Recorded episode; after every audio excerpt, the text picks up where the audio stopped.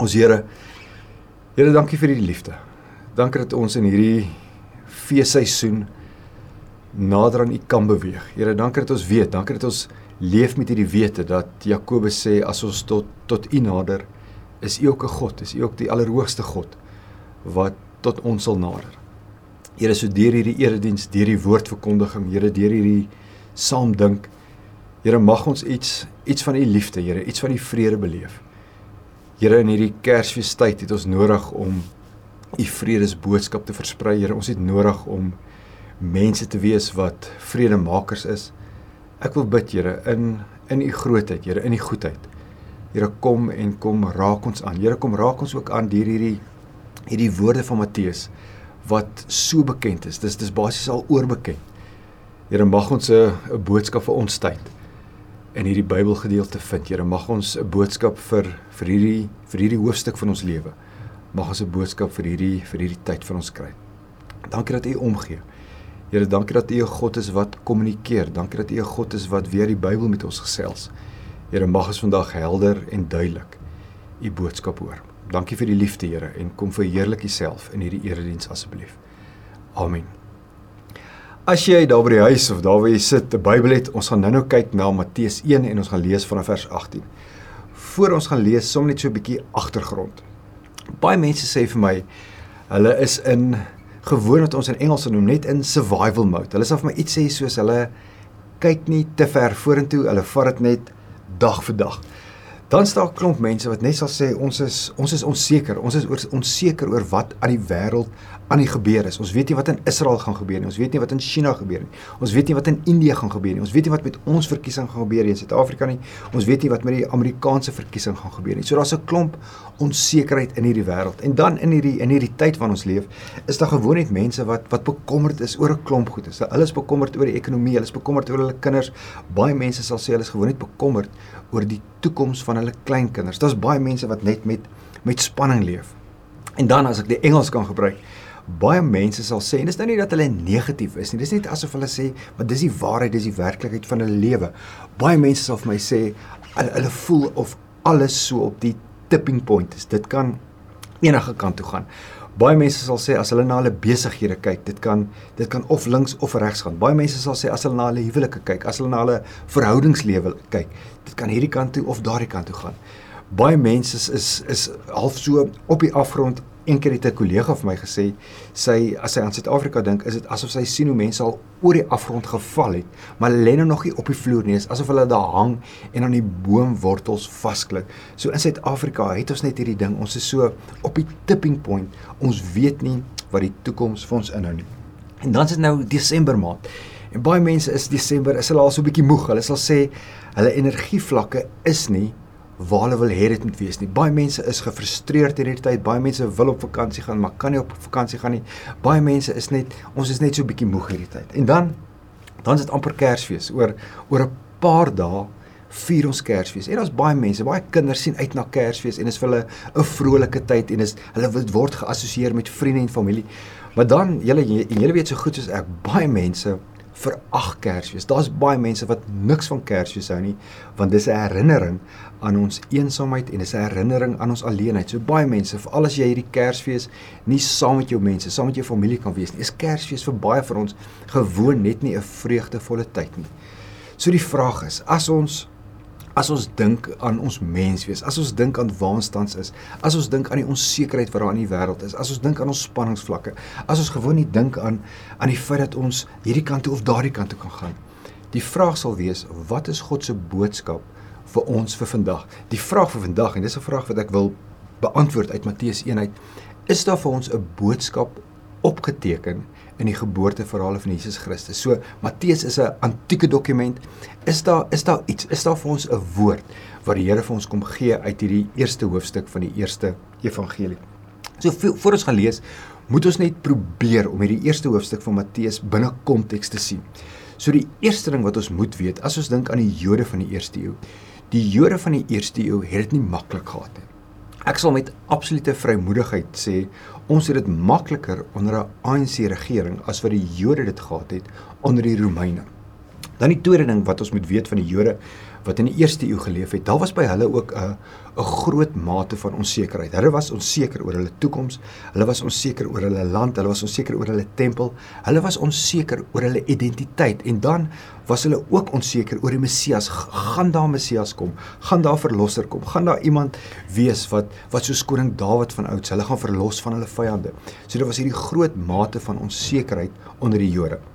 Dan 'n derde iets. Hulle was gewoon net nie veilig nie.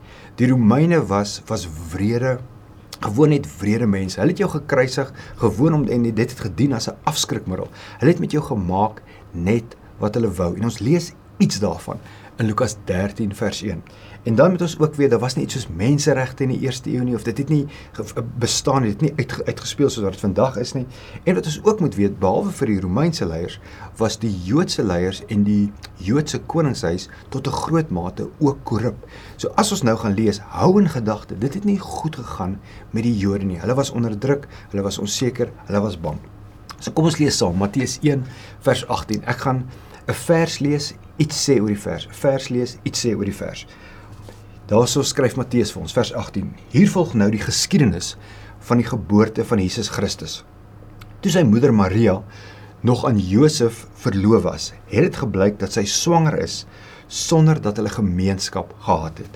Die swangerskap het van die Heilige Gees gekom.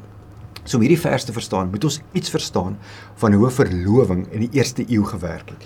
So 'n verloving was in die eerste eeu 'n baie baie ernstige saak. Die mans en die vroue is plegtig aan mekaar beloof. Dit was soos 'n kontrak wat jy aangegaan het en daar was getuies. Die interessante was en dis belangrik vir die geboorteverhaal van Jesus Christus. As die vrou tydens die verloving haar man sou verkil, as as die vrou die man sou verneek, dan het die wet bepaal dat sy doodgemaak kon word. So hoe dit gewerk het is jy jy raak verloof. Dit was die eerste stap, dit was hierdie wetlike verbintenis. Maar dan kon die man en die vrou nog nie by mekaar slaap nie. Hulle mag nie 'n seksuele verhouding gehad het nie. So jy's verloof, hulle bly apart, dan volg die troue, dan volg die onthaal en dan eers het hulle in dieselfde huis ingetrek en dan kon hulle dan kon hulle saam met mekaar geslaap het. So Josef beleef nou 'n krisis want sy sy verloofde Maria is swanger en en hy weet gewoon nie wie die pa is nie. En hy weet, hy weet, hy weet verseker hy's nie die pa nie. En hy weet ook want die Jode het die wette baie goed geken. Dis wat ons basies die Ou Testament noem. Hy weet as iemand as iemand swanger is en sy's nog nie getroud nie, het die wet bepaal daai persoon kan of moet doodgemaak word. Dan lees ons in die volgende vers: Haar verloofde Josef. So nou nou lees ons oor oor Josef. Haar verloofde Josef wat aan die wet van Moses getrou was, maar haar tog nie in die openbaar tot skande wou maak nie, het hom voorgenem om die verloving stilweg te verbreek. So om hierdie vers te verstaan, moet ons probeer verstaan wat in Josef se binneste aangegaan het. So die een ding wat in sy kop aangegaan het is reëls is reëls. Moses se wet sê jy moet doodgemaak word. As ons lees Deuteronomium 22 vers 23, daar sou staan daar as jy as jy egbreek gepleeg het, as jy verloofde was en jy het saam met iemand geslaap, dan bepaal Deuteronomium jy moet met klippe doodgegooi word. So aan die een kant aan aan die een kant van sy gedagtes is hierdie ding, hierdie verskriklike ding, Maria moet met klippe doodgegooi word. Maar dan hy's 'n mens en hy het 'n hart en hy's en hy's lief vir die jong meisie. Hy hy's met sy hele wese lief vir haar. En sy's 'n sy's net 'n wonderlike mens. Die Bybel sê vir ons sy was 'n nederige meisie. Die ons weet ook sy's eerlik, sy's opreg. En hy het waarskynlik iewers haar hand gevat en vir haar gesê Maria, praat met my. Wat gaan nie aan? En sy het hom in die oë gekyk en na alle waarskynlikheid vir Josef gesê Josef ek weet nie wat jy aangaan nie, maar ek ek sê nou vir jou, ek gee vir jou my woord, ek het nie saam met 'n ander man geslaap nie. So, wat gaan in sy in sy kop aan, wat gaan in sy binne staan? Aan die een kant, hy moet haar hof toe vat, hy moet haar aankla. Aan die ander kant, in sy binneste is hy lief vir haar en hy en hy wil dit nie doen nie. Hy wil nie hê sy moet met klippe doodgegooi word nie. Wat help is daar was 'n 'n skuiwergat, daar was 'n loophole in die Joodse wet. Soos ons vandag 'n verloving kan verbreek kon die Jode van die eerste eeu dit ook gedoen het, maar jy kon dit nie, jy kon dit nie oor 'n SMS gedoen het. Jy kan nie 'n WhatsApp stuur en sê ek is uit nie. Jy kon in die eerste eeu die verloving verbreek het as jy twee getuies saamgevat het. En Josef sê maar hierdie is vir hom die beste opsie. As As hy dit gaan doen, as hy twee van sy beste vriende in sy vertroue neem, as hy vir hulle sê kom saam met my, julle moet getuies wees, julle moet as getuies dien, ek vir die verloving breek. So Josef besef, as hy dit doen, dan hoef hy nie 'n ander man se kind groot te maak nie.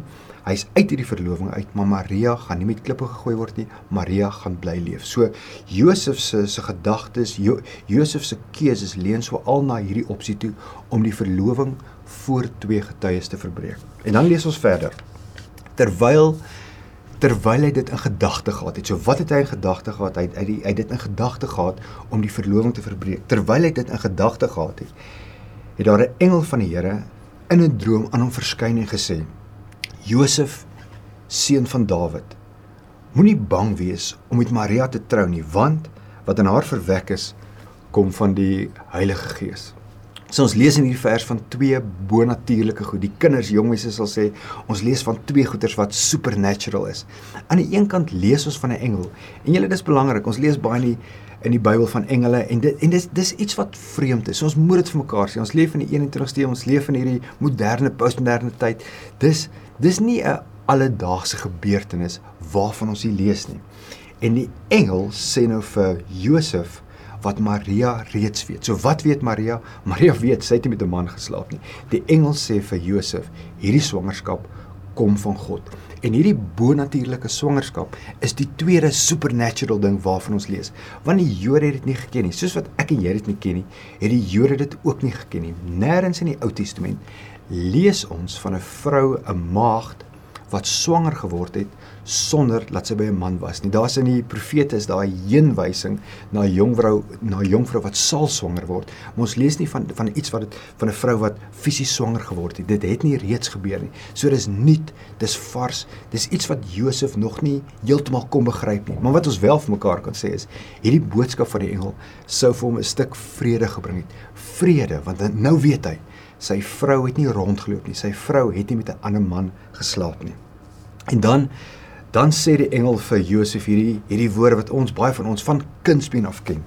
Sy Maria sal 'n seun in die wêreld bring. En jy Josef, jy moet hom Jesus noem. Hoekom Jesus? Wat beteken die woordjie Jesus? Want dit is hy wat sy volk van hulle sonde sal verlos. Dit het alles gebeur sodat die woord wat die Here deur sy profeet gesê het vervul sou word. So Matteus skryf van die Joodse gehoor en nou haal hy uit die Ou Testament aan om te bevestig wat hier gebeur het. Wat staan in die Ou Testament? Die maagd, die jong meisie sal swanger word en 'n seun in die wêreld bring en hulle sal hom Immanuel noem. Die naam beteken God by ons. So hierdie vers sê vir ons, hierdie vers leer vir ons net weer opnuut. Jesus is die redder, Jesus is die verlosser. Maar en en en dis die boodskap van vandag. Hierdie vers sê ook vir ons Jesus sal genoem word Immanuel. Wat beteken Immanuel?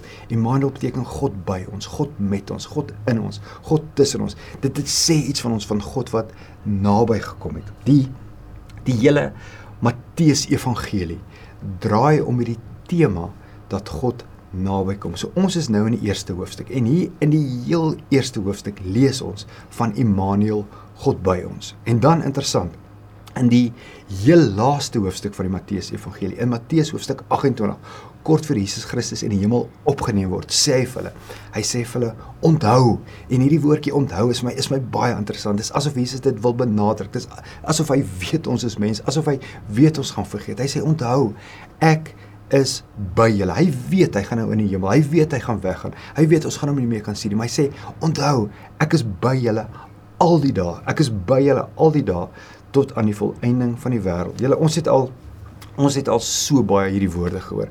Ons hoor God is by ons. Ons hoor God is by ons. Ons hoor God is by ons. Maar is asof ons dit vergeet. As ons na die nuus kyk, as ons na 'n uh, 'n webblad oopmaak wat vir ons vertel van wat in die wêreld aangaan, is dit is dit so maklik om hiervan te vergeet. So ek sê vir myself, ons moet hierdie Ons moet hierdie persoonlik maak in hierdie Kersfeestyd, in hierdie Desember maand, aan die begin van 2024, moet ons oor en oor onsself net daaraan herinner dat Jesus die een is wat by ons is. God is by ons, God is by ons, God is by ons. En dan na na nadat hierdie engel met Josef gepraat het, gaan hy oor tot aksie. En dan lees ons, ons lees dit in vers 24. Toe Josef uit die slaap wakker word, het hy gemaak soos die engel van die Here hom beveel het en het met haar getrou. Hy het egter nie met haar omgang gehad voordat sy die seun in die wêreld gebring het nie. En Josef het hom Jesus genoem.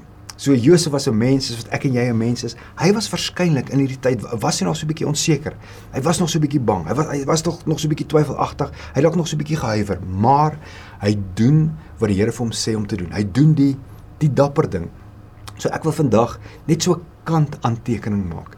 'n Dapper geloofstaat. Wanneer ek en jy in gehoorsaamheid iets doen, wanneer die Here vir ons sê ons moet iets doen, dan lei 'n dapper geloofstaat dikwels tot die buitengewone. 'n Dapper geloofsdaad, 'n dapper geloofsdaad in gehoorsaamheid lei baie keer tot 'n bonatuurlike lewe. Dink aan Abraham. Genesis 12. Die Here sê vir hom: "Abraham, trek, trek weg van jou mense, trek weg van jou huis af." Die Here sê nie vir hom hy moet noord, suid, oos of wes trek nie. Die Here sê net vir hom: "Kom in beweging. Trek weg." En hy doen dit. 'n Dapper geloofsdaad lei dikwels tot 'n buitengewone lewe en Abraham word die vader van die gelowiges. Dink aan iemand soos soos Moses. Moses was vir 40 jaar in Egipte, toe pleeg hy 'n moord en hy vlug weg in die woestyn en hy's vir 40 jaar in die woestyn en toe hy 80 jaar oud is, kom die Here en die Here verskyn aan hom. Ons lees daarvan in Genesis in Eksodus hoofstuk 3. En die Here sê vir Moses: Ek het jou gekies. Ek wil jy, ek wil ek wil ek wil jou gebruik om my volk uit Egipte weg te kry, om hulle uit Egipte uit uit te lei sodat hulle na die beloofde land toe kan gaan.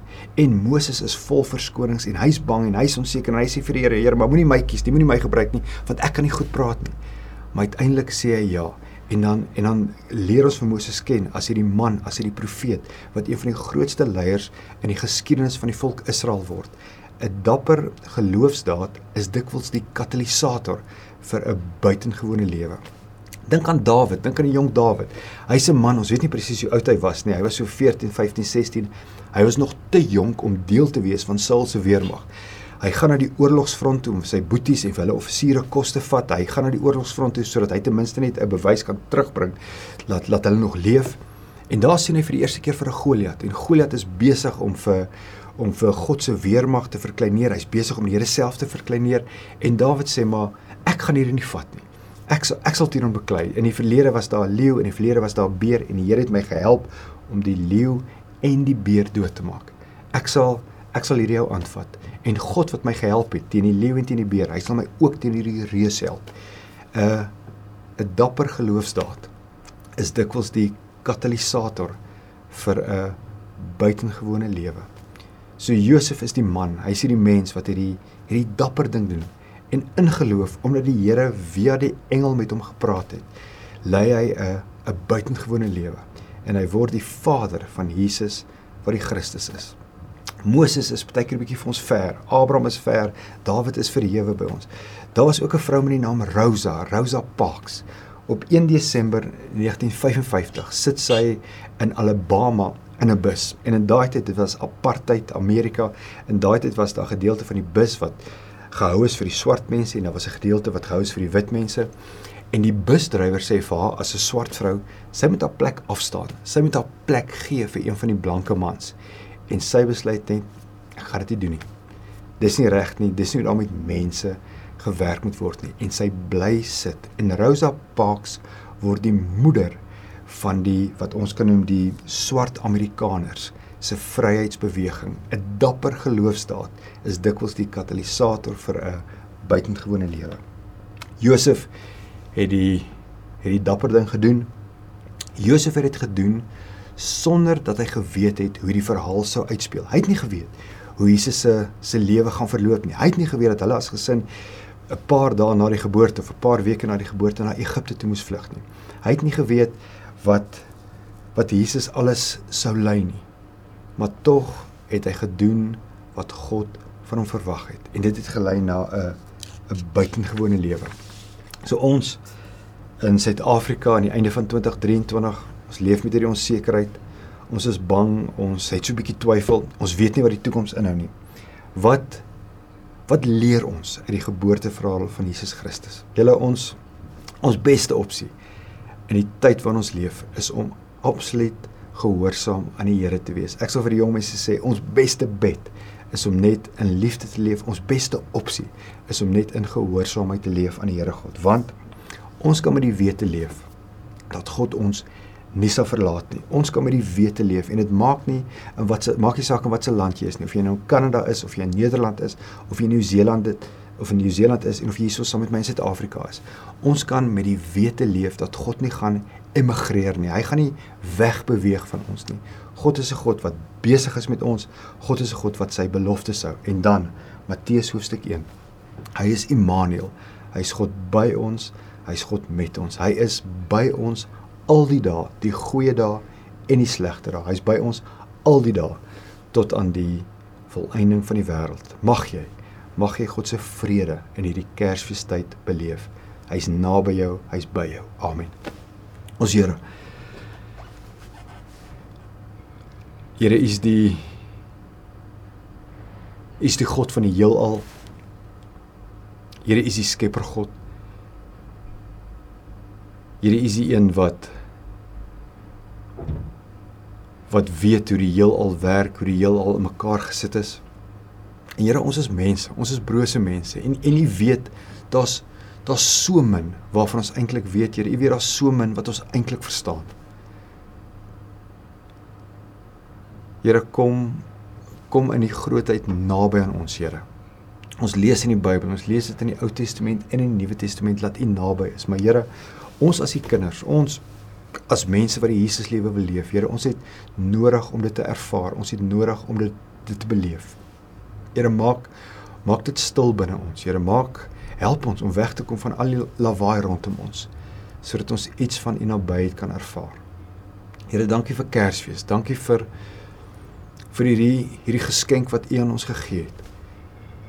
Here, mag ons, mag ons as mense van die lig lewe. Here, mag ons as mense van liefde leef. Here mag ons in hierdie wêreld uitgaan en mag ons u u beweging wat u tot stand gebring het. Here mag ons mag ons dit mag ons daaraan deelneem. Mag ons Here mag ons doen wat u wil hê ons moet doen. Here kom skenk aan ons. Kom skenk aan ons in hierdie in hierdie Kersfeestyd. Kom skenk aan ons u vrede, u vrede wat alle verstand te bowe gaan. Amen.